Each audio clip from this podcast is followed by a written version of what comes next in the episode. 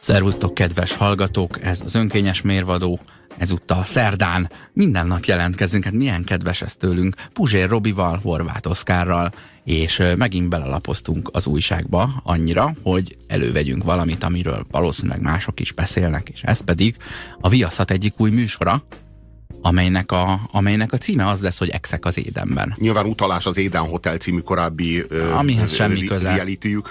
de világos, de ezt a fogalmat, hogy Éden, ezt ők privilegizálták, és használják ezt az asszociációt. Befuttatták, hülyék lesznek nem ö, használni olyannyira, hogy egyébként ugyanarra a, ugyanarra a közönségre számíthatnak, hiszen hasonló a műsornak a cselekménye. Egyébként egy MTV-s formátumra utalnak a, a sajtóban, nem tudom, hogy ez ennek a licencelt változata, vagy egyszerűen csak ugyanolyan, aminek az a az a címe, hogy X on the Beach. Ez, ez mondjuk szellemesen sikerült.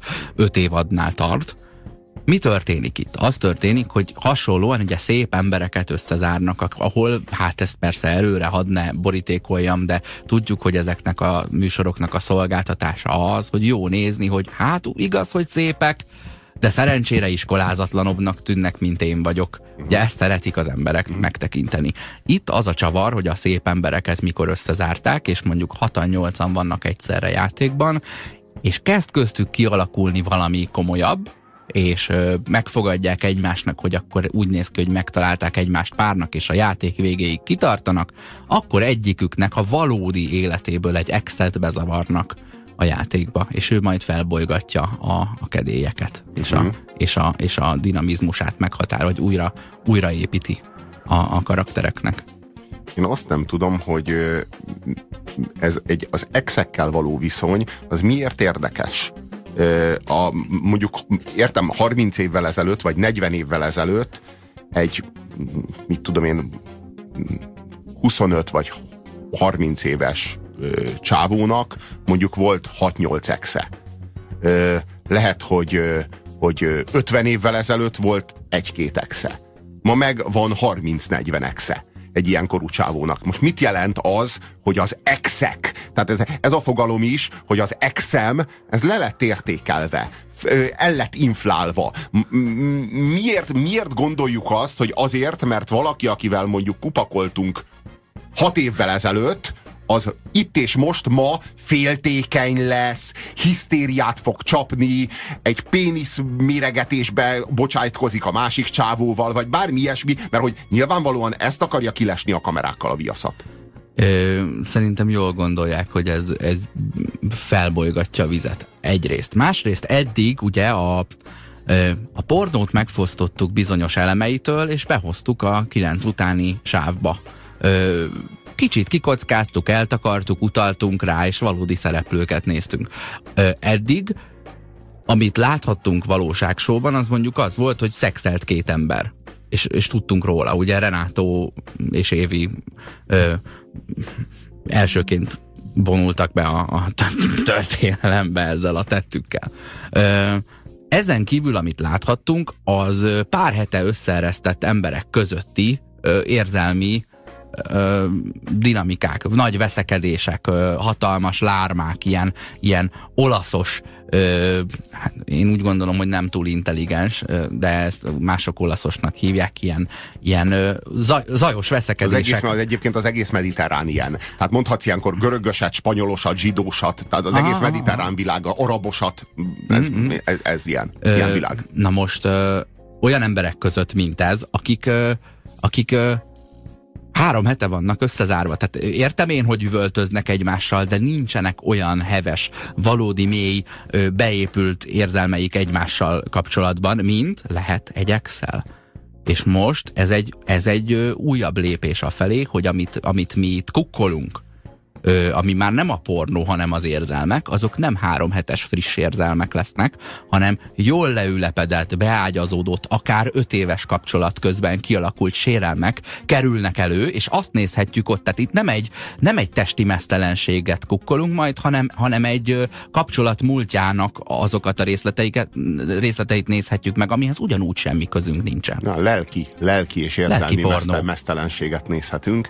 Igen, a probléma ezekkel a a realitikkel, vagy ezekkel a kamu realitikkel, mert hogy ugye ezek meg vannak ám rendezve, tehát meg vannak szerkesztve, mikor, milyen pillanatban engedjük rá az exet. Az exet is előgyúrjuk lelkileg, érzelmileg, eleve úgy választjuk ki, és az ex, aki bejön, meg a jelenlegi szerető, aki bent van, meg a meg a hősünk, akire éppen féltékenynek kell lenni, vagy akinek a birtoklása nyomán vagy mentén hisztizni kell, ezek mind tudják, hogy mit vár tőlük a stáb. Mind tudják, hmm. hogy itt most hiszti kell, mert a tömeg, a néző valami, valami alávalót akar látni. És ők szándék, szándékuk szerint teljesítik ezt, és ez így meg már nem valóságos, hanem ez így megint csak kutyakomédia. Ne roncsd el! Robi, ne roncsd el az emberek de miért te még, nem, de te még nem érezted ezt? Hogy így, hogy így úgy veri a hisztit, mint akitől ezt várták, mint aki utasításba kapta. Tehát, hogy, hogy nem, nem egy valóságos dolgot látunk, hanem két lapáttal rá van téve. Tehát nem, nem, nem, nem érzem azt, amit az ilyen valódi realitiknél, ahol ténylegesen összezárnak embereket, és ténylegesen mondjuk két hét után már elmondhatjuk róluk, hogy elfelejtkeztek a kamerákról, meg elfelejtkeztek arról, hogy figyelik őket, és a helyzeteik kezdenek valóságosak lenni. Uh-huh. Addig viszont vannak ezek a ezek az ilyen kamu trash reality formátumok, ahol ez nem, nem realizálódik, és, és folyamatosan az az érzésed, hogy úristen, mit verik magukat a kamerának. De amiről te beszélsz, azok a scripted reality a délutáni sávban, ott tényleg ö, hazamennek a forgatásról. Amiről most beszélünk, itt elutaznak Balira.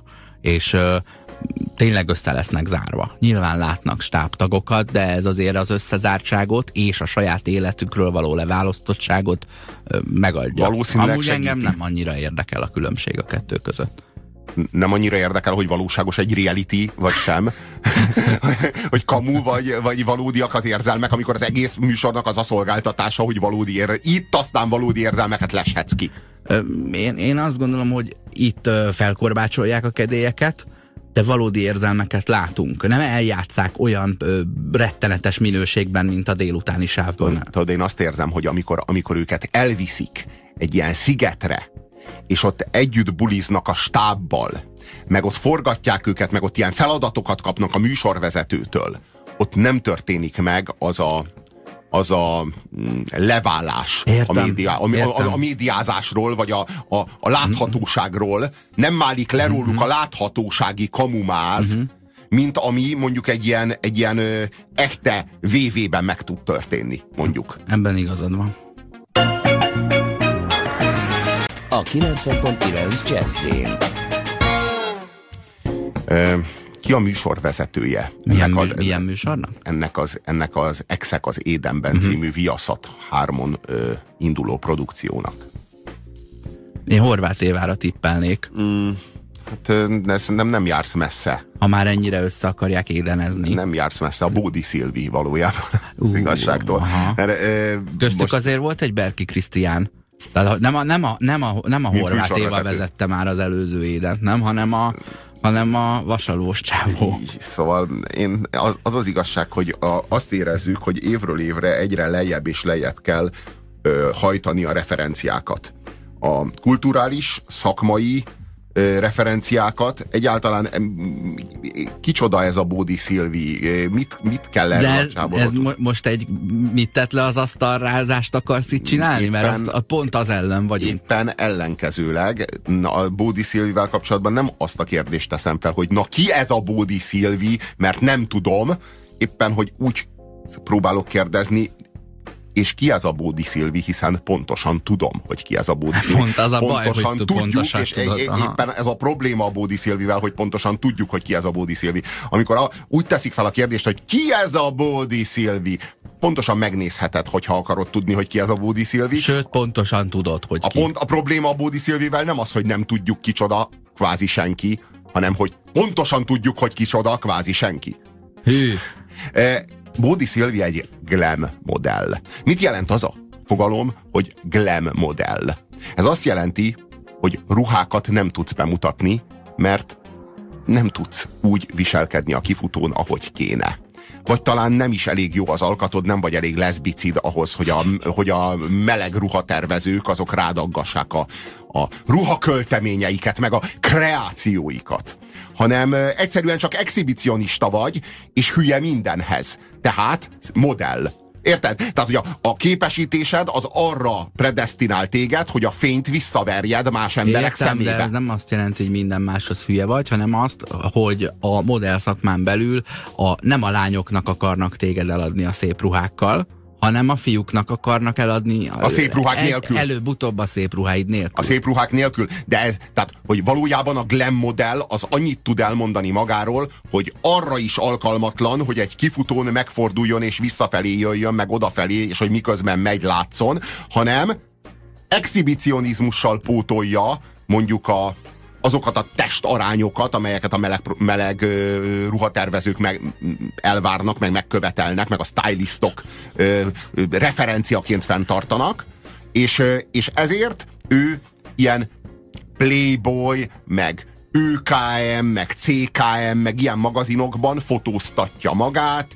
kvázi a csöcseiből él. Ö, gyönyörű.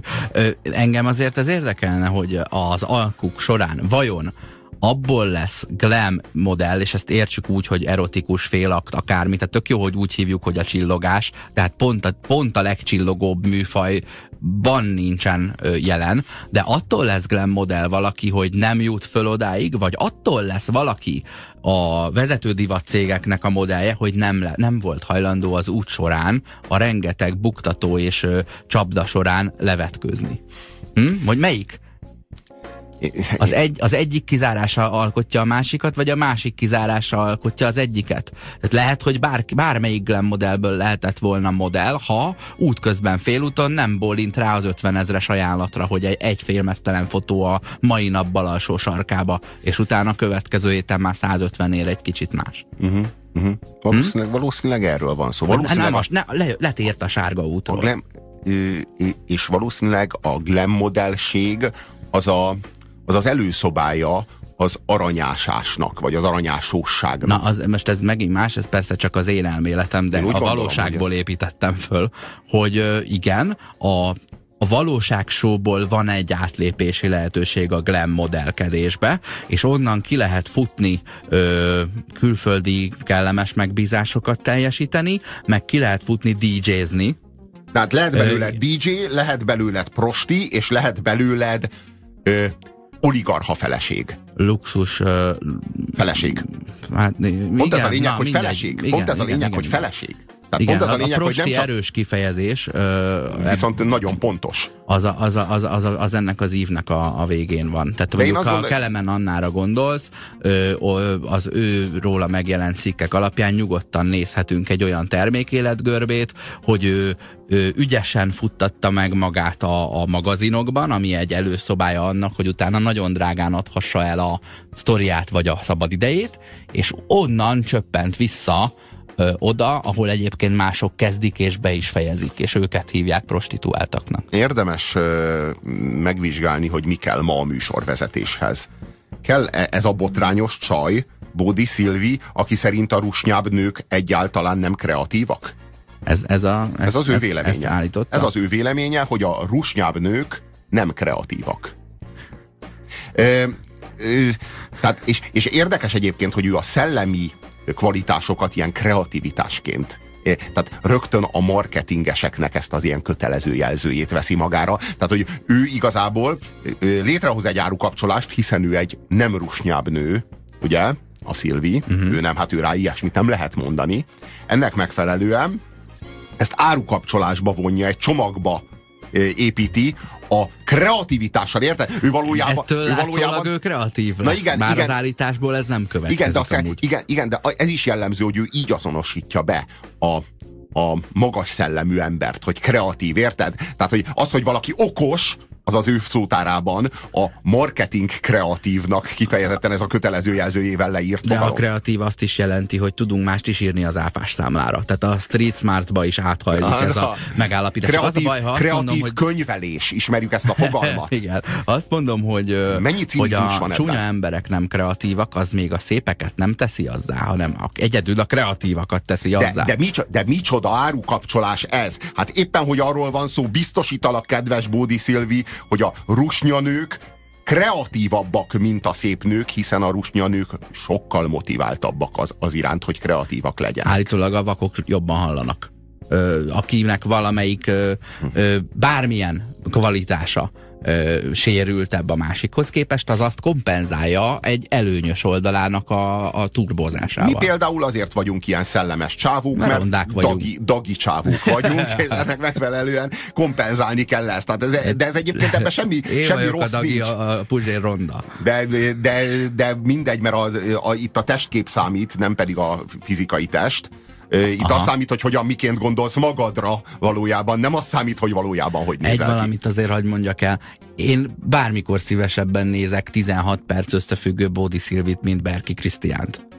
Tehát ö, nem érzem a monoton ö, ö, devalválódást ebben, ebben a műsorvezetői függvényben, amit felvázoltál. Én, de én meg, én meg azt érzem, hogy minden ö, újabb évadnak, mondjuk egy reality, vagy egy ilyen nagyon kereskedelmi, mint mondjuk a Viaszat, vagy TV2, vagy RTL Klub produkciójának, Óvatosan elvesznek valamit minden, minden évadban egy kicsit lejjebb kell rugdosni a nívóját, mindig egy kicsit üresebb fejű, ostobább ö, műsorvezetőre kell rábízni. Pont az a lényeg, hogy mindig egy kicsit-kicsit lejjebb kell a nívót csűrni, mert minél alacsonyabb a színvonal, annál jobban közelít a reklámok színvonalához, és mivel a kereskedelmi televíziózásban a reklám a cél és a műsor az eszköz, ennek megfelelően a műsorral kapcsolatban folyamatos kihívás, hogy egyre hitványabb, egyre alávalóbb, egyre nézhetetlenebb, és legyen is egyre több kulturális normát rugjon fel, vagy sértsen meg. Azt gondolom, hogy a Viaszat produkciója ezen a téren élen járnak. Kiderült, hogy nem Bódi Szilvi mondta azt, hogy a, a, a rusnyább nők kreatívabbak, hanem épp ellenkezőleg, hogy a rusnyább nők nem kreatívak, ellentétben a, a, a szép nőkkel, akik azok, hanem ezt Megyeri Csilla mondta, aki történetesen éppen most kerül képernyőre a TV2-n az édes életben. Úgyhogy Jó, megint csak ugyanitt tartunk, az Ugyanitt tartunk, de ugyanitt tartunk, hogy mi tesz képernyőképessé, ez tesz képernyőképessé, ez a fekete öves ostobaság, amit Megyeri Csilla elővezetett. Jó, és hogyha jön egy következő SMS, hogy ú, mégse ő mondta, hanem izé mondta, úgy Nem, mert, ugorjunk nem, nem, le mert, ez, erről. nem, mert ez, ez, ez, most már erre most már a fejeteket rátehetitek, kedves hallgatók. Mert egyáltalán az miféle kulturális referencia, hogy Bódi Szilvit azért ne téveszük össze Megyeri Csillával, kérlek. Jó? Azért, ez, eh, azért minimum, a minimumokat tartsuk be. Most ez milyen színvonal, gyerekek? Vegyük komolyan magunkat. Jó, én nem tudom, mindegy. Nem, nem, nem tudom, rossz helyzetben vagyok, nem tudok mit csinálni, mert én most tényleg nem tudom ki a Megyeri Csilla, de utána nézek, és majd utána mondok bármit. De, de a minimális műveltségre figyeljünk oda. Jó? De nehogy összetévesztem, persze. Igen, igen. Érdekes egyébként, a, a, a sztárcsinálásról beszélgettünk Rob, Robival a, a szünetben, hogy ö, én csak elkezdtem mondani, hogy mi az, és már félbe is szakított, és elmondta nekem, hogy mi az, hogy valaki címlapra kerül, az a sztárcsinálás. Így az én, az én fogalomrendszeremben ö, az lenne a sztárcsinálás, hogy ugye szükségem van ismert arcokra a műsoraimban, de drágák. Ezért ö, létrehozok új ismert arcokat, akik ugyancsak csatorna szélességben ismert arcok, mert én hoztam létre őket, de legközelebb a következő három-négy évben, amíg nem jönnek rá, hogy milyen gázsit kérhettek volna, addig ez nekem kevesebbe fog kerülni. Uh-huh. Ez, ez nekem, a sztárcsinálás fogalma, az, az, az 20 éve kering számomra a levegőben, de nem értettem meg addig, amíg nem láttam valamelyik éneklős műsornak a, a második évadjának a plakátját, és állt rajta négy vagy öt ember, akikről fogalmam nincs, hogy kicsoda, mert már egy olyat sem kevertek közé, mint mondjuk a Csonkapici, akit én nem kedvelek, meg nem tartok sokra művészetileg, de ismert és kedves embernek tartom egyébként. És tudom, hogy ki ő. De már nem volt közte egy ilyen ott állt öt ember, akikről néztem, néztem, hogy ezek vajon ki a francok lehetnek, és akkor utána néztem, hogy kik, és nyilván a csatornán korábban futó műsorokban csinált sztárok. Nekem, nekem ez az értelme. Valójában a, a sztárcsinálás nem jelent semmi mást, hiszen nincsen semmi feltétele. Tehát mivel, hogy nincs a sztárságnak feltétele, ezért aztán ebből aztán következik, hogy a sztárnak nincsen teljesítménye. Ah, szerethetőnek vagy gyűlölhetőnek kell lennie. A Ö... kettő között alkalmatlan. De, de, de ez nem igaz! De ez nem igaz! Érdektelen is lehet nyugodtan. Semmire kellő érdektelen, jelentéktelen. És ugyanúgy sztárt csinálnak belőle. Nem kell. Ez nem igaz, hogy szerethetőnek vagy gyűlölhetőnek kell lennie. Ilyen, ezek a szakmai referenciák, ezek már réges-régen nem teljesülnek. De lehetséges, hogy éppen a Berki Krisztián teljesíti, hogy ő mondjuk gyűlölhető. Lehetséges, hogy éppen a Pumped Gabó teljesíti, hogy ő mondjuk éppen szerethető a többsége egyiket sem teljesíti. A többsége tényleg nincsenek, nem léteznek ezek a kulturális referenciák. Bár egyáltalán ezek a minimális viselkedésbeli vagy viszonyulási, ö, igazodási pontok sem léteznek. Szeretnék erre val- valamit reagálni, de Ennyi, ennyit. Na, ö, jó, hát ez egy véleménykülönbség köztünk. Azt ö, a sztárcsinálás az annyit jelent, hogy fölraklak téged a címlapra. Ez azt jelenti, hogy bekerülsz a rotációba. Mm-hmm. Be, beemelünk téged. Az arcodat, a csöcseidet, vagy a dumáidat, vagy ami, ami, ami épp a szolgáltatásod, a legtöbbet, amit ki tudunk belőled facsarni, azt a szemem. Fölrakjuk, a, fölrakjuk a címlapra, megfuttatjuk ezekben az úgynevezett sztármagazinokban, el, elhívunk a story gálára, ott megfotózunk téged, és úgy csinálunk, mintha valaki lennél. Egyszerűen ebbe a, ebbe a vala, valakiség, valakiség külsőség rendszerbe beemeljük a személyedet. És ezáltal legyártunk téged, mint sztárt, mert valójában a sztársághoz nem te kell lesz, a sztársághoz a sztárgyár kell, uh-huh. és a sztárgyár minden szükséges kellékét, elemét szállítja a sztárságnak. Amit te hozol, az valójában semmi. Az semmi. Az valójában csak annyi, hogy... napon bá- belül bárkit oda tudnak állítani úgy, hogy az 50 már azt gondolod, hogy ő ugyanannyit ér, mint az előző ilyen, vagy mint egy valódi ö, régebben ismert valaki, aki nem a gyárból került a, a, oda a sajtó felelé. De Oszi, az előbb azt mondtad, hogy nem tudnak bárkit, vagy szerethetőnek, vagy gyűlölhetőnek kell lennie. Ö, a te dumádat magyarázom. Igen, igen, igen. Meg én, a, a bárki alatt azt értem, hogy bármilyen embert, akinek nulla ismertsége van. Nulla ismertsége kell, van. Szerintem kell valamilyen kvalitásokkal rendelkezzen. Ez nem azt jelenti, hogy tehetsége kell, hogy legyen, hanem kell valami kapaszkodó, amire rá tud harapni a néző, hogy na én akkor ő rá ezért vagyok Tehát te kíváncsi. például úgy gondolod, hogy Megyeri Csilla és Bódi Szilvi az igenis teljesít ilyen, ilyen az egy, alapvető az egyikükről továbbra is nem volt időm megtudni, hogy mi a helyzet, és ezért hagynám megint ezt, amit tett le az asztalrázást. nem az asztalról a beszélünk. Bódi Szilvi De nem arról beszélünk, hogy mit tett le az asztalra. Nem arról beszélünk, hogy mit tett le az asztalra. Van-e egyetlen faktora, amely őt a négyes metrón utazó hétköznapok, hétköznap délután kettőkor kiválasztott random embertől megkülönbözteti. Nem jobb, akár csak jobb, akár csak rosszabb, akár csak színesebb, akár csak szagosabb, bármilyen ebb, mint Jaj, az. Ne idegesíts, a Megyeri Csilla az a műsorvezető, akiről két hete cikkeztek, aki azokat a csodálatos adásokat készítette a, a, a, a valamelyik regionális televízióban? Alig, ha nem róla van szó. Jaj, Alföldi tévé. Szenzációs. Jó, jó, tudom, hogy kiről van szó. Na, ő szerethető vagy gyűlölhető? Mi teszi alkalmassá őt? Nem, teljesen, teljesen rossz, amit művel. És ő látható lesz a TV2-n? Ő lesz a TV2 a, a, a, ebben a scripted reality-ben, ebben a, ebben a társadalmat hergelő társadalom ö, szociális érzékenységét és valóságérzetét korbácsoló és provokáló műsorban a, az édes életben az egyik szereplő. Ú, jó, hát korábban is TV2 szereplő volt itt, most úgy olvasom, mindegy, alkalmas lesz erre. Beszéljünk még valamiről, ami Van aktuális. Hírünk. Van és ez, ez, ez is egy mai, ez szerintem valami Cinematrixos hír volt, Aha. és ez úgy néz ki, hogy a Disney forgat a, a Szépség és a Szörnyetekből egy élő szereplős változatot. És, és bejelentette, a, külön, külön, külön bejelentette a Disney sajtóosztálya, hogy először a Disney történetében egy klasszikus Disney filmben meleg szereplő fog szerepelni. Meleg szereplő, és ez, ez, egy, ez, egy, ez egy esemény. Tehát, hogy ezt ők bejelentették, és ez, ez, ez a híroldalakra felkerült. Először meleg szereplő egy klasszikus Disney rajzfilmben, vagy egy Disney, most ez élő szereplős, de klasszikus Disney rajzfilmben sem volt eddig meleg szereplő. Um, be... Van erről mit mondanunk, egyébként ha nektek is, akkor 0630 20 10 909, de ha csak egy szóban vagy kettőben kéne megfogalmaznom, akkor azt mondanám, hogy végre, vagy miért kell ezt külön észrevenni? Tehát de jó, hogy nem csinálunk úgy, mintha bizonyos emberek nem léteztek volna soha, meg most sem léteznének. Ne, nem az a, nem, itt, a, itt, ha van problémánk, már pedig van, akkor itt legkevésbé sem az a problémánk, hogy hogy kerül a meleg szereplő a vászonra, vagy hogy kerül a meleg szereplő a tévéképernyőre.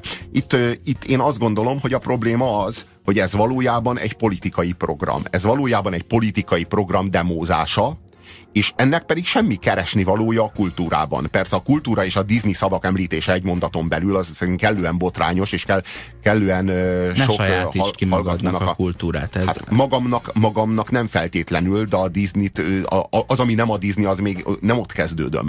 Tehát nem arról van szó, hogy ha valami nem a Disney, akkor az apuzsér. De érted? Annyi minden a kultúra, ami nem a Disney. És annyi minden nem a kultúra, ami a Disney az első meleg szereplős Disney filmről beszélünk, a Szépség és a Szörnyeteg élő szereplős változatáról, tehát élő meleg szereplős Disney. Ez az, ami eddig nem volt. Hát meg kéne kérdezni a Disney-től, hogy kedves volt Disney, hogy hogy eddig nem volt meleg szereplő. Mi ez a homofóbia? Mi volt az oka ennek? Eddig is voltak melegek csak meleg szereplők nem voltak a Disney filmekben. Hogy, hogy nem voltak? Tehát a Disney most már ott tart, hogy pusztán azért, hogy demózhassa, hogy mostantól meleg szereplő a Disneyben, bevallja, hogy eddig nem volt. Pedig hát egyáltalán nem kéne bevallania. És egyáltalán miért nem volt eddig? Homofóbok voltatok ott a Disneynél? Mert azt nem, tudjuk, gyerek... mert azt tudjuk, hogy a cég alapító volt Disney, ő nem csak homofób volt, de keményen antiszemita is, és rohadt keményen konzervatív csávó volt. Tudom, hogy nem vagytok büszkék a cég alapítóra, kedves Disney, ezért itt most demózzátok a meleg lobby iránti ö, ö, PC elköteleződéseteket, a, ami történt, az az, hogy a meleg lobby kihisztiszte a Disneynél ezt a meleg szereplőt, és ez abból látszik, hogy nem egyszerűen egy meleg szereplő bekerült a Disney filmbe, hanem hogy a Disney sajtóközleményt ad ki, hogy meleg szereplő a Disney filmben, ami eddig nem volt. A Disney történelmet ír. Érted? Tehát, hogy tematizálni akar ezzel a Disney, és ebből pontosan érezzük, hogy itt ez egy politikai demonstráció. Semmi köze nincs a kultúrához. Jó, értjük, hogy általában a Disneynek semmi köze nincs a kultúrához, de hogy ennek a jelenségnek, tehát hogy a politika az vonuljon ki a kultúrából, vonuljon ki e, ebből a térből. Ne követelőzzön, hogy a filmben legyen fekete szereplő, legyen meleg szereplő, hogy mindenáron nyerjen Oszkárt a meleg film, vagy nyerjen Oszkárt a fekete film, vagy nyerjen Oszkárt az éces film, vagy a fekete felszabadítós film, vagy a holokausztos film, vagy az ilyen vagy olyan politikai program Oszkárt nyerjen a kultúrának. Nem az a funkciója, hogy a politika segédhada legyen.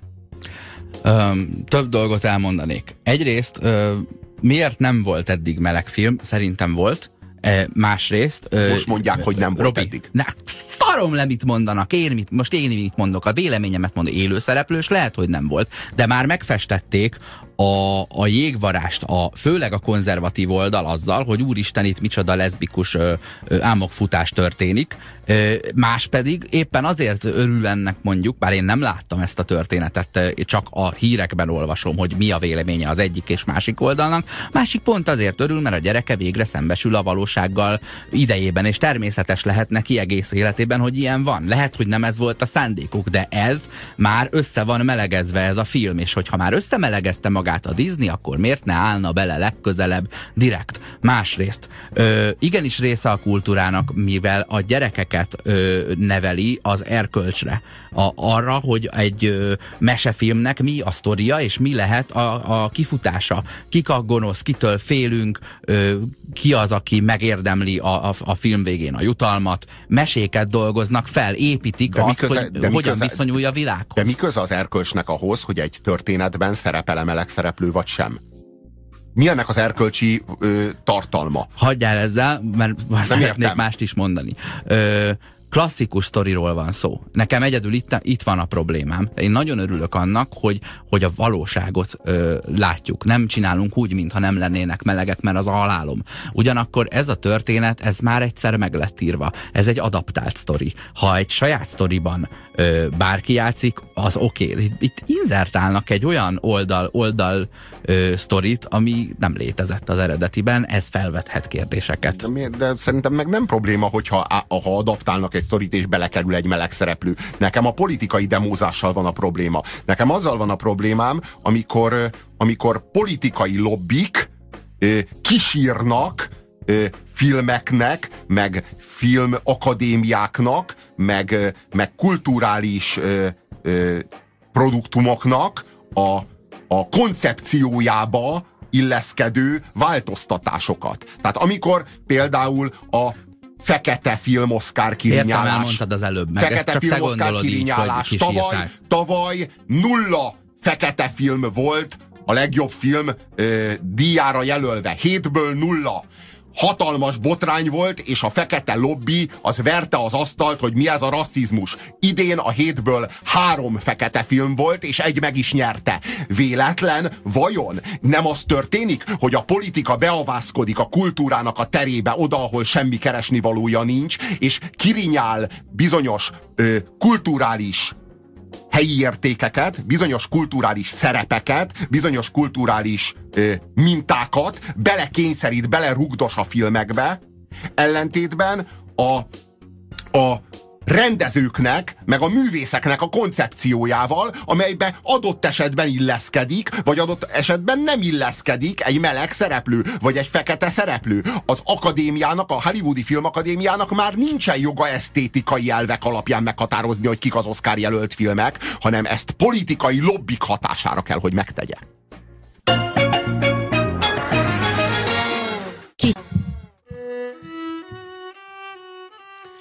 Saul fia című filmről fogunk beszélni.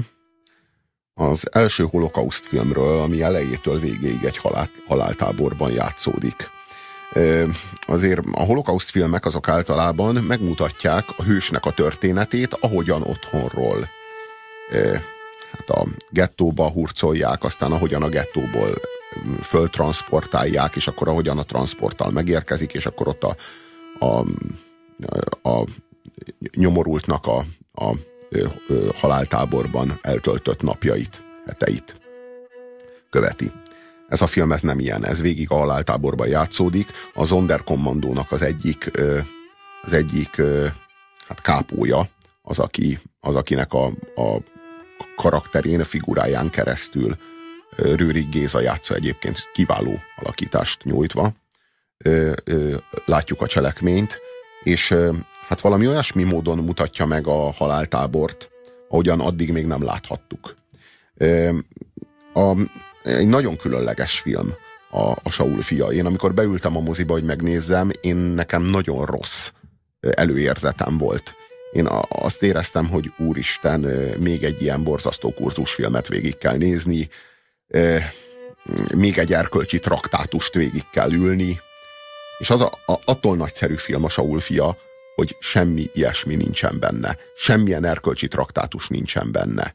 Nem próbálja értelmesnek hazudni ö, a holokausztot vagy Auschwitzot, nem próbálja belehazudni az értelmet, vagy belehazudni a hősiességet, vagy belehazudni a helyi érdekű, kicsiny megváltás lehetőségét, akár csak esélyét a, a cselekménybe, hanem megmutatja azt, hogy mennyire értelmetlen, hogy mennyire kilátástalan, és, mennyi, és már-már a groteszkig feszíti a, a tragikumát a, a haláltábor nem pusztán értelmetlenségének, értelem ellenes működésének.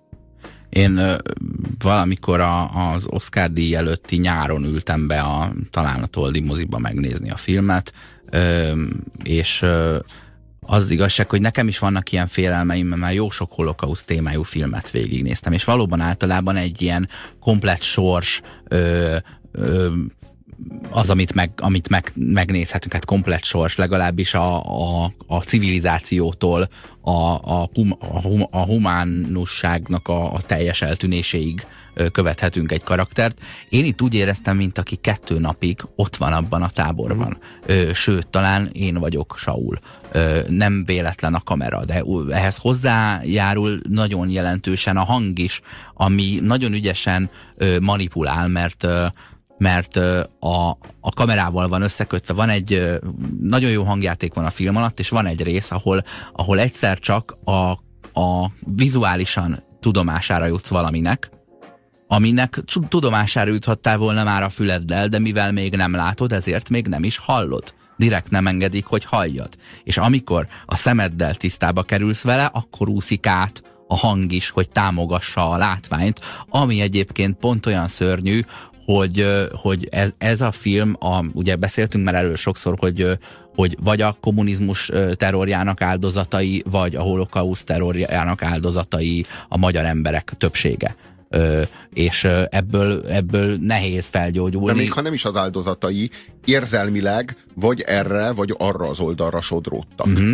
Tehát egyszerűen, egyszerűen kvázi zsidók, illetve kvázi erdélyi magyarok, lecsatolt erdélyi magyarok. Uh-huh. Még ha nem is azok, érzelmileg egyszerűen olyan erős a, az identitás közösségük, már az ország egyik felének a zsidókkal, a másik felének meg a határon túli magyarokkal. Hát és muszáj választani a kettő közül egyet, különben nem áldozattudattal, hanem bűntudattal fogsz élni. Igen, mert, igen. mert abból is lehet választani nyugodtan. Igen, igen, igen, de, de a bűntudat az kevésbé vonzó, hát, mint az áldozati igen. tudat. Kevés, kevésbé, igen, igen, igen, kevésbé vonzó. Pont ezért, pont ezért van az, hogy ugye megkérdeztek talán Amerikában, Amerikában élő zsidókat arról, hogy egy újabb népírtásnak a, az előszelében ő eltitkolná, vagy vállalná, és inkább azt mondta, hogy vállalná a, a hova tartozását.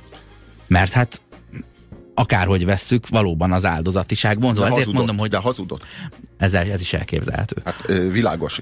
Ter, a legtermészetesebb és a legnyilvánvalóbb válasz ilyen helyzetben, a, ha valaki őszinte és, ön, és önmagában néz, az az, hogyha összeírások lennének, bármilyen alapon, bármi, bárkinek a származására, vagy a nem tudom, a szemszínére, vagy a, vagy a, vagy a bármilyen, bármilyen társadalmi, vagyoni, szexuális egyéb helyzetére vonatkozóan az őszinte, korrekt válasz ilyenkor mindig az, hogy természetesen eltitkolnám, hiszen nem szeretnék megdögleni amiatt, amilyen a szemem, mhm. amilyen a nem tudom én a, a, a származásom, vagy amilyen a nemem. Tehát ez, De azért a közösségi média használatoddal valahol ö, feliratkozol már egy listára. Tehát én nekem soha nem jut eszembe az, amikor követni kezdek egy, egy, egy oldalt, a Bálint házat, vagy a Zsidó nyári fesztivált, hogy, hogy akkor én most ezzel, most végérvényesen Jó, elvágtam a, világos, a, de, a függőhidat. Világos, de, de nem látjuk a horizonton sem felderengeni a genocidiumnak az esélyét, így könnyű mm. feliratkozni a Bálint közösségi háznak. Bravo, ügyes ja, ja, ja. Annyit akartam mondani, hogy amennyiben valaki, ahol holokauszt sérültebb feléhez tartozik Magyarországon. Minél inkább igaz rá ez a sérülés, annál nehezebb végignézni a, ezt a filmet, viszont annál inkább terápia lehet ö, a számára. Szörnyű nézni, de miért ne nézném meg? Szerintem Auschwitzot még nem forgatták le soha eddig a filmig. Ö, tettek rá különböző kísérleteket, de soha, soha azt a... Tehát Auschwitzot például mindig ilyen, mindig ilyen rendben forgatták. Mindig ilyen, mindig ilyen hatalmas rend volt, és tudod, ezt a tervszerűséget, ahogyan mm. jönnek a transportok, meg tűnnek el a transportok a gázkamrákban. Tudod, ezek, ezek a, ez, mindig, mindig, mindig ez a tervszerű rend és fegyelem jellemezte a holokauszt filmeket, meg Auschwitzot, ahogyan bemutatták, és itt meg nem. Egy hatalmas káoszt látsz. Nem látod át, nem érted. Folyamatosan történik valami, folyamatosan, és ehhez egyébként a kamera, a kamerakezelés is hozzátartozik kézi kamerával forgatták az egészet, kicsit úgy forgatták, mint ahogyan a, a Blair Witch projektet. Tehát a, a, ö, most jó, én a, jó de, de nem arról van szó, hogy ilyen Sony Handycam van a kezében, hanem ez egy rendesen egy kamera, csak steril, tehát mozog a, a szereplővel, inkább egy ilyen first person élményed van. Folyamatos, folyamatos mozgás, nincs first person élményed, mert akkor nem látnád mert a látod a hátát, Igen, tehát, ne, ö, az az érdekes tényleg, hogy itt a zsidó főhősök, mert azért többen vannak az Onderkommandóban, egyidejűleg áldozatok és egyidejűleg náci kollaboráns háborús bűnösök. Na ez például nagyon erős, mert eddig mindegyik film az azonosulási pontot azt száz százalék áldozati státuszba helyezte. Tehát soha nem foglalkozott ezzel a problémával, amivel a Saul fia, hát abszolút, hogy, hogy, hogy igen, ők résztvevői ennek a genocidiumnak, áldozatai és elkövetői egyidejűleg ennek megfelelően lehetetlen a szerepüket, a jó és a rossz fogalmai által meghatározott erkölcsi tengelyen értelmezni. És azt hiszem, hogy például ez az alapja annak, hogy semmiféle felemelő erkölcsi tanulság vagy katarzis nem bontakozik ki, nem bontakozhat ki a történetből.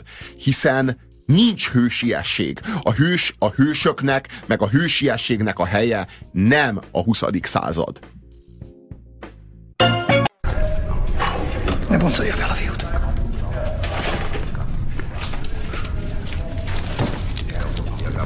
Adja így. Nem. Ugyanolyan rab vagyok, mint te. Este kapsz egy percet, hogy egyedül lehess vele.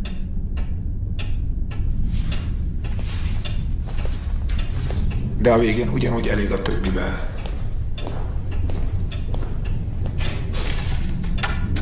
Mi a neved?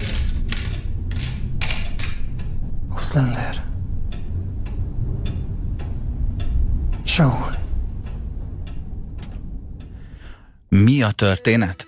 Ö, felismerni vél egy fiút, Saul a, az áldozatok között, sőt végignézi, ahogy a, gázkamrából kivonszolt fiút megfoltja az orvos. Hogy ugye rend legyen. Az a, az a rend, amit igényeltél az Auschwitzban játszódó filmekben.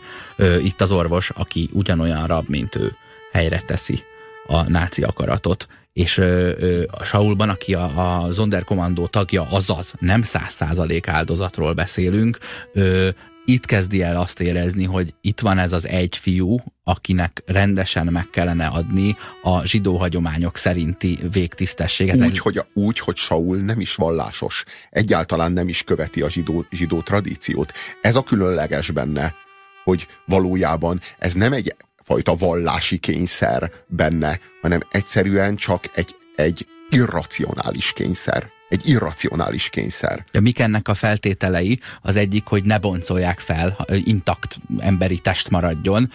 Másrészt a megfelelő kárdist egy rabbi mondja el fölötte. Rabbit keres. Tehát egy, egy olyan világba regresszál vissza, ahol, ami, ami már nem létezik, amit már felszámoltak, aminek a, ha valahol Auschwitzban semmi keresni valója nincs, teljesen irracionális. És én olvastam kritikákat, amelyek a főhős működését zavarosnak, meg életszerűtlennek nevezték.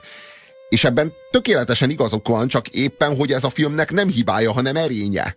Pontosan ez az ereje a filmnek, ez, a, ez az irracionalitás. Ugye, ugye a, Mert a, az életszerű, hogy egymást bezárjuk valahová és elégetjük. Ja, ja, ja, ja, ja. És a, a, a holokauszt filmek tömege hazudik a tömeggyilkosságok mellé, erkölcsi értelmet, magasabb erkölcsi érvényt. Tehát valamit, amit jóvá lehet tenni. Egy kicsi hőstettet, egy apró hőstettet a borzalom tengerében. És a Nemes Jeles Lászlóban pont az imponáló, meg ebben a munkában, hogy meg sem kísérli ezt. Az ő filmjének nincsen értelme ahogyan Auschwitznak sem volt értelme. És ezt kimondani, és ezzel szembesíteni a világot, ez a, ez a, a valóban új, és valóban nagyszerű, és valóban erős. De én nem hittem már, hogy a holokausztról ennyi újat el lehet mondani egy filmmel. Én már esküszöm nem hittem, hogy érdemes még egy holokauszt filmet elkészíteni.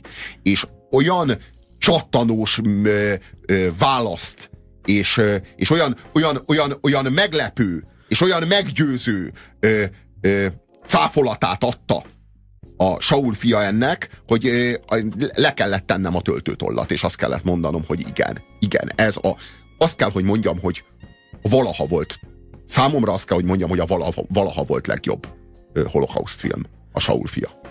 Um, még valamit mondanék, díszlet. Ö, fura díszletnek nevezni, hiszen nem dísz. Es. Ugye? Nem arról van szó, amikor a hetedikesek feldíszítik a nyolcadikosoknak a termet, hogy megünnepeljék a kis batyukkal a, a nagyvilágba való kilépésüket, itt a nagyvilágból való kilépésüket élik meg emberek, és nem ünnepélyes keretek között. De egy percig nem jut eszembe a filmet nézve, hogy ez nem valóban ott játszódik épp hogy az az érzésem, hogy ezt a filmet ezt úgy lehetett elkészíteni, hogy időgéppel visszamentek 1944-be, fogtak egy kamerát, és két napig mentek egy csávó mögött Auschwitzban. Sehol nem lóg ki nekem a lóláb, se annál a jelenetnél, amikor a, amikor kültéren vannak, és, és ugye egy gödör mellett égetnek, és új, új Magyarországról érkező zsidók érkeznek, meg ott sem, amikor beltéren jönnek-mennek. Egyszerűen amikor fel nem merül, hogy nem ott vagyunk valójában, amikor a, ami az állítás. Igen, igen, igen. Amikor a gödör mellett égetnek, én azt gondolom, hogy az a mélypontja a filmnek, az a pokol. Az olyan, az olyan mint a pokol. És soha ilyen közel nem jártunk még a pokolhoz, mint, mint ennek a filmnek a terébe lépve. A holokauszt filmeknek a tömegei dolgoztak már a félelemmel, meg a szánalommal, de egy sem foglalkozott még a katatónia közeli énvesztéses eltompulással.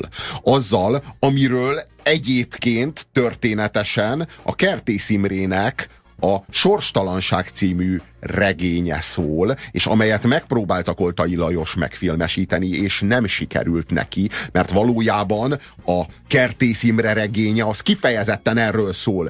A Kertész Imre regénye az nem a könnyekben gázol, hanem ebben a, ebben a katatón eltompulásban. És, és ezt egyetlen egy holokauszt film sem tudta meg, megmutatni. Azt gondolom, hogy a Nemes Jeles Lászlónak, Saul fiával sokkal inkább sikerült megfilmesítenie a Kertész Imrének az hm. Oscar díjas regényét, mint Koltai Lajosnak valaha is. Ö, többször látjuk úgy a Rőrig Gézát, hogy félreáll standby üzemmódba, mint valami robot, aki épp nem kapott parancsot. Tehát amikor nincsen valami konkrétum, amit ö, akár az életben maradásáért, akár, akár a, a részben orosz szerveződéssel készülő ellencsapásért, akár a saját kis ö, ö, missziójáért meg kell tennie, akkor leáll, és ilyen zzz, tudod, így leállnak a motorok, és látod az arcán, hogy arcizma sem rendül, ők belül kiéget, kívülről pedig emberi por fedi tehát itt mindenhol égés termékeket látsz, ott, leáll, ott egy picit leáll, mert egyébként, ha tehetné, akkor ő ülne egy széken, és soha többé nem venne levegőt, és, és nem mozdulna. Na most, van neki egy szabad kártyája, és ez a vörös X a hátán. Te, a néző, úgy kerülsz ebbe a közegbe, hogy beledobnak téged a haláltáborba, de egy, de egy vizitor passzal, ami mintha börtönlátogatáson lennél újságíróként, és semmi nem különböztetne meg téged a bentlakóktól, csak a ruhád. És bedobnak ide téged egy ilyen, úgy, egy páncélban, egy ilyen lelki páncélban, abban a piros X-es, zonderkommandós felsőben, hogy jó-jó, merhetem nézni, mert azt tudom, hogy legalább ő most egy ideig nem fog meghalni, hiszen kollaborál a, a kivégző osztagokkal. És pontosan abban a jelenetben, ahol a pokolba kerülünk, ahol a legtöbb, legközelebbi halál élményt élheted át, élményt, ö, ott lekerül róla ez a kabát pár percre. És akkor retteghetsz. Uh-huh. Uh-huh. Uh-huh. Szerintem a nagyon erős uh, momentum ebben a filmben, ami szerintem az egész filmnek a, a cselekményének a középpontjában áll, az az, hogy hogy itt nem az életmentése zajlik, ami az összes, az összes holokauszt. A halálé. Itt a halálmentése zajlik. Itt egy halott gyereket próbál megmenteni. Hogy ennek semmi értelme? Hát pont ez a lényeg. Hát pont ettől nagyszerű film. Ez az önkényes mérvadó Puzsér Robertel és Horváth Oszkárral. Itt a 90.9 Jazzin. Neked nincs fiad. De van. El kell temetnem. Ahhoz nem kell, rabbi. Ő majd azt teszi, amit kell. Az ott marad. Te megszabadul meg a holtestől. Találj nekem egy fiút. Vele egy gurut, ugyanolyan hajjal.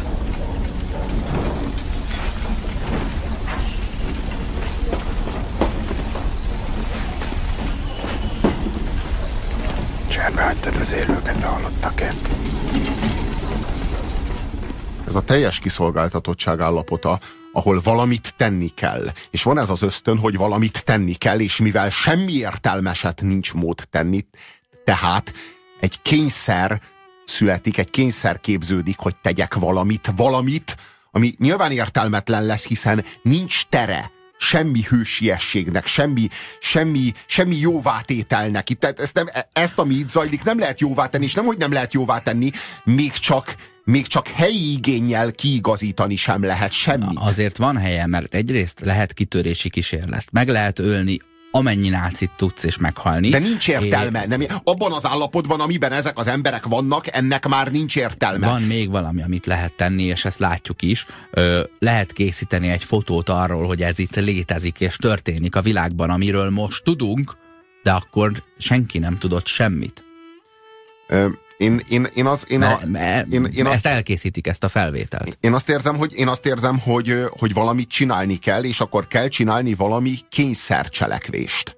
És ez egy kényszercselekvés. Ez egy monomániás kényszer. Tehát monomániás lesz a hősünk, és a monomániája az, hogy ezt a kölyköt, aki a fia, most vagy a fia, vagy nem a fia, ezt nem tudom, most ez, ez is értelmezés kérdése, hogy tényleg a fia. Ő azt mondja, hogy a fia. Uh-huh. Azt mondja, hogy nem a feleségétől való fia. Szerintem semmi köze a fiához, eh, ahhoz sincs sok köze, hogy egyébként valószínűleg magyar a, a, a kisfiú, hanem egyszerűen ahhoz van köze, hogy eh, talán ismerős neki, de ő ébreszti fel benne ezt a, ezt a mániát. Szóval ez egy, ez igen, ez egy kényszercselekvés.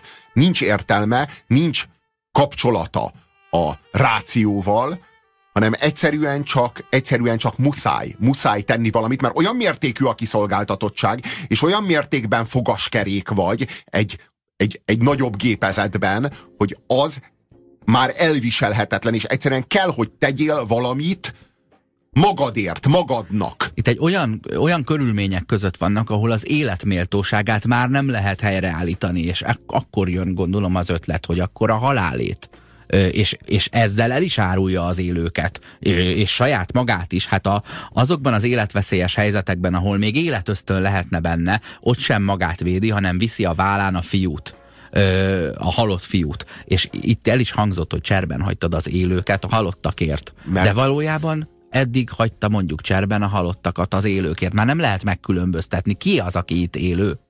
Már nem, valójában amit tennie kell, és amit tesz, azt nem magáért teszi, de nem is másért. Nem a saját életéért teszi, hanem egy rögeszmét követ. Egy, van egy rögeszméje, és ennek a rögeszmének kell teljesülni. Ennek a rögeszmének már ez igazából a kényszercselekvéshez tartozik. Tudod, amikor nem szabad rálépni a, a, a, a, a, repedésre. a, a, a repedésre az aszfalton, hanem mindig át kell lépni a repedést mert ha rálépsz, akkor az, az, az úgy nem jó. Az úgy nem jó. Az akkor a világ egy kicsit kitér a kerékvágásából. Tudod? Tehát, hogy ennek a, ennek a kényszercselekvésnek, hogy nem szabad rálépni a, a járdán a repedésre, ennek van köze a, a, a, az észhez, az értelemhez, a rációhoz. Semmi köze nincsen. Van köze az erkölcshöz? Ahhoz sincsen semmi köze. Semmihez a, nincsen mi, semmi köze, Szerintem csak az önmagához van köze. Valahogy ennek a kényszerességnek is az igazságosság, a, a justness, tudod, ez a, az egyenlően elosztottsága a jónak és a rossznak, ennek a helyreállításához van köze a kényszerességnek, a tikkelésnek, a kényszermozgásnak, egy csomó mindennek. Tehát összefügg az igazsággal, a rend helyreállításával. Az de igazság, annyi, de, hogy ez a csávó nagyon is tényleg elárulja az élőket olyannyira, hogy ugye oda megy a lengyel vagy francia rabbit keres egy teljesen másik ö, ö, részében a tábornak, ahol neki semmi keresni valója nincs. És, és egy percen belül megöleti azzal a feltűnősködéssel, amelyel ő a kényszerét és a mániáját üldözi. Megölet, megölet egy rabbit aki nem akar, a második olyan rabbit, aki nem akar neki segíteni. Egyébként az első olyan rabbi, aki nem akar ebben neki segíteni, az meg ott hal meg mellette. Tehát ott megy el mellette akkor, amikor már kint van, és a fiút temetné el, és kiderül a harmadik rabbiról, spoiler, mondjátok, hogy papa-papa, hogy, hogy uh, impostor. Benne van a rend helyreállításának a képtelensége és a csődje ugyanakkor mert hogy így helyre akarjuk állítani a rendet azzal, hogy ha jobb kezünkkel hozzáértünk az asztallaphoz, akkor a bal kezünkkel is hozzáérünk, de valójában pontosan tudjuk, hogy nem tudjuk helyreállítani a rendet ezzel. Nem tudjuk helyreállítani a rendet azzal, hogy nem lépünk a repedésre. És nem tudjuk, nem tudunk semmiféle rendet helyreállítani azzal, hogyha hogyha eltemeted a halott gyereket. Semmit. Hogyha a rabbi ő, a, a vallás előírásainak fele, megfelelően temeti el a halott gyereket, sőt, ráadásul zsidó eltemetéséhez nem is kell rabbi, ezek nem is keresztények. Tehát a keresztény gyerek eltemetéséhez kell a pap. A zsidó eltemetéséhez elég egy zsidó. Nem kell hozzá rabbi. Tehát de nem is tudja a Saul, hogy mi a zsidó tradíció, mert nem ismeri, mert nincs beágyazva ezze, ebbe. Valójában ő egy keresztény tradíciót akar rabbival, meg zsidó gyerekkel, meg zsidó hagyományjal, meg zsidó szertartással elvégezni.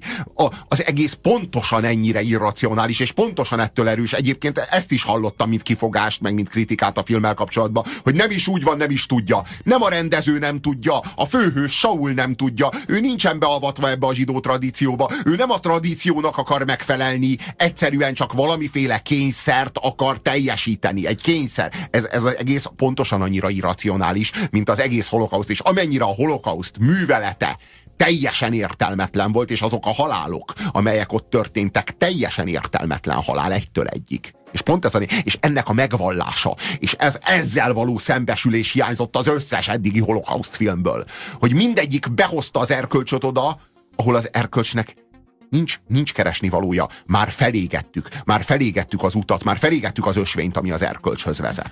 Ö, említsük meg azt, hogy ez a talán kevesebb, mint tíz olyan film egyike, amely, amelyet díjaztak, ha nem is a fődíjjal, de nagyon jelentős díjjal Kánban. A, a Káni zsűri nagy díját kapta meg, és ezen kívül hát díjazták megkapta a Golden Globe-on, az és díjazták az Oscaron. Aranyglóbuszt is megkapta, meg az Oscárt is megkapta. Tehát most az Aranyglóbusz az nem egy annyira jelentős díj, az Oscar az meg gyalázatos. Tehát a, úgy gondolom, hogy az Aranyglóbusz az az Oscarnak ez a mm, prostituált öccse. Ö, aki jó arra, hogy megkapjad, ha nem kaptad meg az Oscárt, és jó arra, hogy ö, megkapjad, hogyha Meg, ha nagyon... meg fogod kapni hogyha meg fogod kapni az Oscárt, pontosan. Ö, ugyanakkor a Cannes zsűri nagydíját azt nem lehet várra, várrándítással elintézni. Tehát arra nem lehet azt mondani, hogy na hát egy holokauszt, még egy holokauszt. Tehát, hogy azért a, és nem véletlenül és tökéletesen megérdemelten díjazták szét ezt az alkotást. Beszéljünk egy kicsit a, arról a filmes nyelvről, beszéljünk egy kicsit arról a, arról a képi világról, ami jellemzi a filmet. Azt írja a hallgató. Ez egy igazi first pers- person játék, és a holokauszt film hibridje.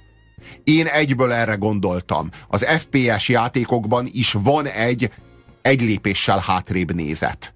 Uh-huh. Sokan úgy játszanak. Uh-huh. Na igen, ez olyan, mintha egy first person shooter lennél, csak fegyver nélkül, és uh-huh. egy lépéssel hátrébb.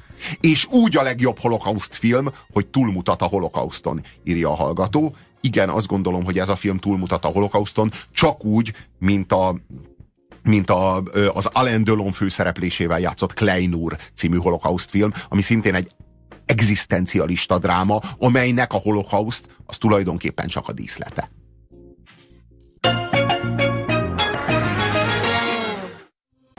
A Saul fiáról beszélgetünk, és hát ilyen filmes nyelv még nem volt. Ilyen, ilyen még nem létezett a film történetében. Ez valami teljesen új. Az a fókuszban lévő cselekmény mögött ott látjuk a háttérben a tömeggyilkosságokat. A, a, amit látunk, az az, hogy a történet, a történéseknek a fókusza, az maga a képkészítő lencsének a fókusza, a történések háttere, az ténylegesen a defókuszált, elmosódó háttér.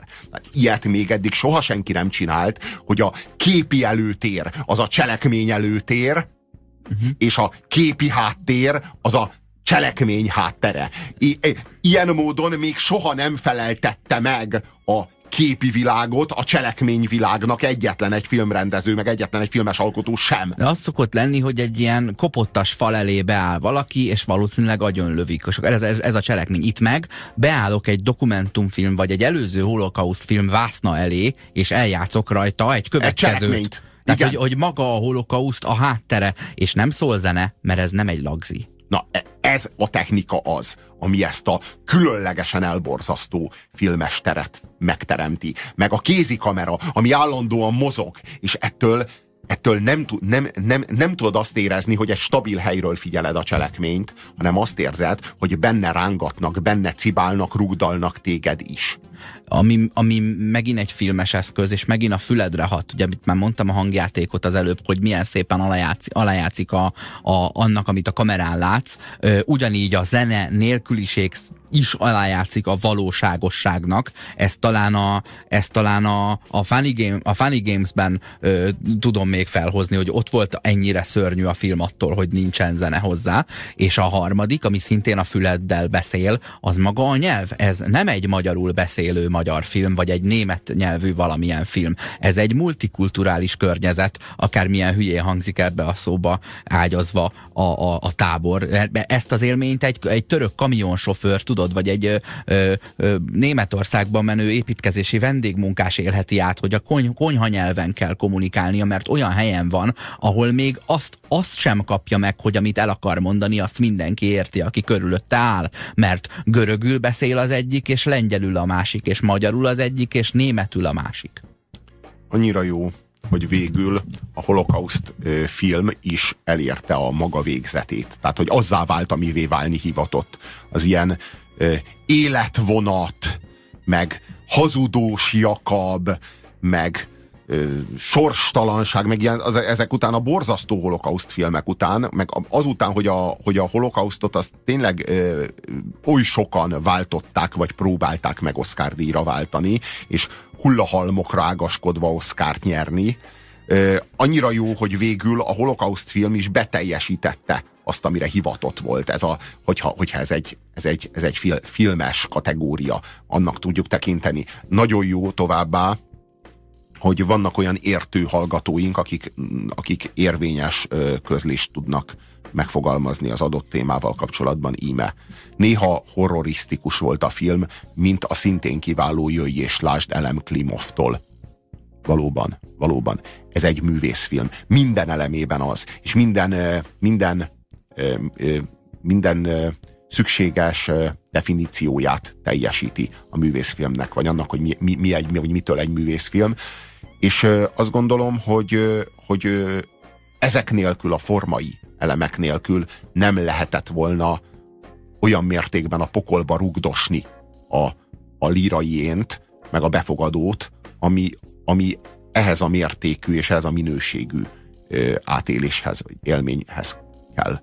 Beszéljünk a, a végéről, amikor ö, egy pajtából kinézve rámosolyog egy kisfiúra, mm. aki az én emlékezeteimben egyébként ez egy szőke kisfiú, de az én, az, az én emlékezetemben egy idő után ez eltorzult, és már úgy is tudtam értelmezni, hogy ő azt hiszi, hogy arra a fiúra mosolyog rá, akit, akit elengedett. Nem. Tehát szó nincs erről. Szerintem nem. Ö, akkor gondoltam arra, hogy azért mosolyog, mert kényszerűségében próbál szimpatikus lenni kiszolgáltatottságában. De valószínűleg ez sem jó megoldás. Itt, itt, itt látjuk utoljára a főhős Sault egy mosolyjal az arcán. Mm, Én azt gondolom, hogy ez a mosoly, az én számomra akkor egyértelműnek tűnt, hogy ez a mosoly, ez annak szól, hogy nézd már itt kint, a táboron kívül, itt már kívül vagyunk Auschwitzon, De 6 kilométerre szerintem a, a, a... kb. egy folyón át. Igen. É, valahol az erdőben.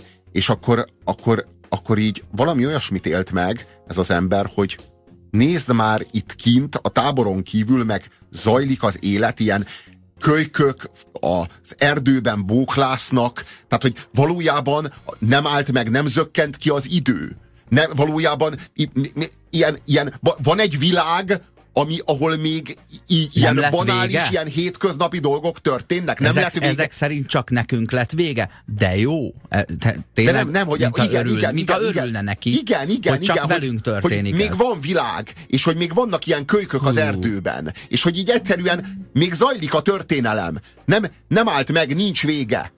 Ez, ö, és hogy mondjam, ez a ez a, ez a mosoly, ez itt marad nekünk, mert tulajdonképpen mi vagyunk ez a lengyel kölyök, akiknek, akik kimaradtak ebből a történetből. Őket nem írták bele ebbe a történetbe, most csak éppen kilesték egy pillanatra, Mi, mi elszaladunk a lengyel sráccal, és azt ö, a rendező is így alkotja, mi a lengyel gyereket követjük, és csak halljuk a lövéseket a film végén. Tehát, hogy valójában ö, Mégse Kicsit olyan, ránk first mosolyog. mégse olyan first person ez, Na, mert ott ott, már nem ahol az. kell, ott le tudunk válni. Ott már nem az. Onnantól kezdve már minket követ a kamera, mert valójában ránk mosolyog, mi ránk a befogadóra mosolyog, az a mosoly az annak szól, hogy nektek még jár egy élet. Ti még élhettek. Ti még, ti még végigélhettek egy életet. Ti bóklázhattok az erdőben. Nektek saját döntéseitek vannak, saját sorsotok van. Ti megtölthetitek az életeteket értelemmel. Ti, nektek még adott a lehetőség, hogy egy értelmes életet éljetek. Hát ez volt a, a Saul fiával foglalkozó önkényes mérvadó mára. Ennél kiválóbb holokausz-filmet már alig ha fognak csinálni, mindenképpen nézzétek meg. Köszönjük a figyelmeteket, sziasztok!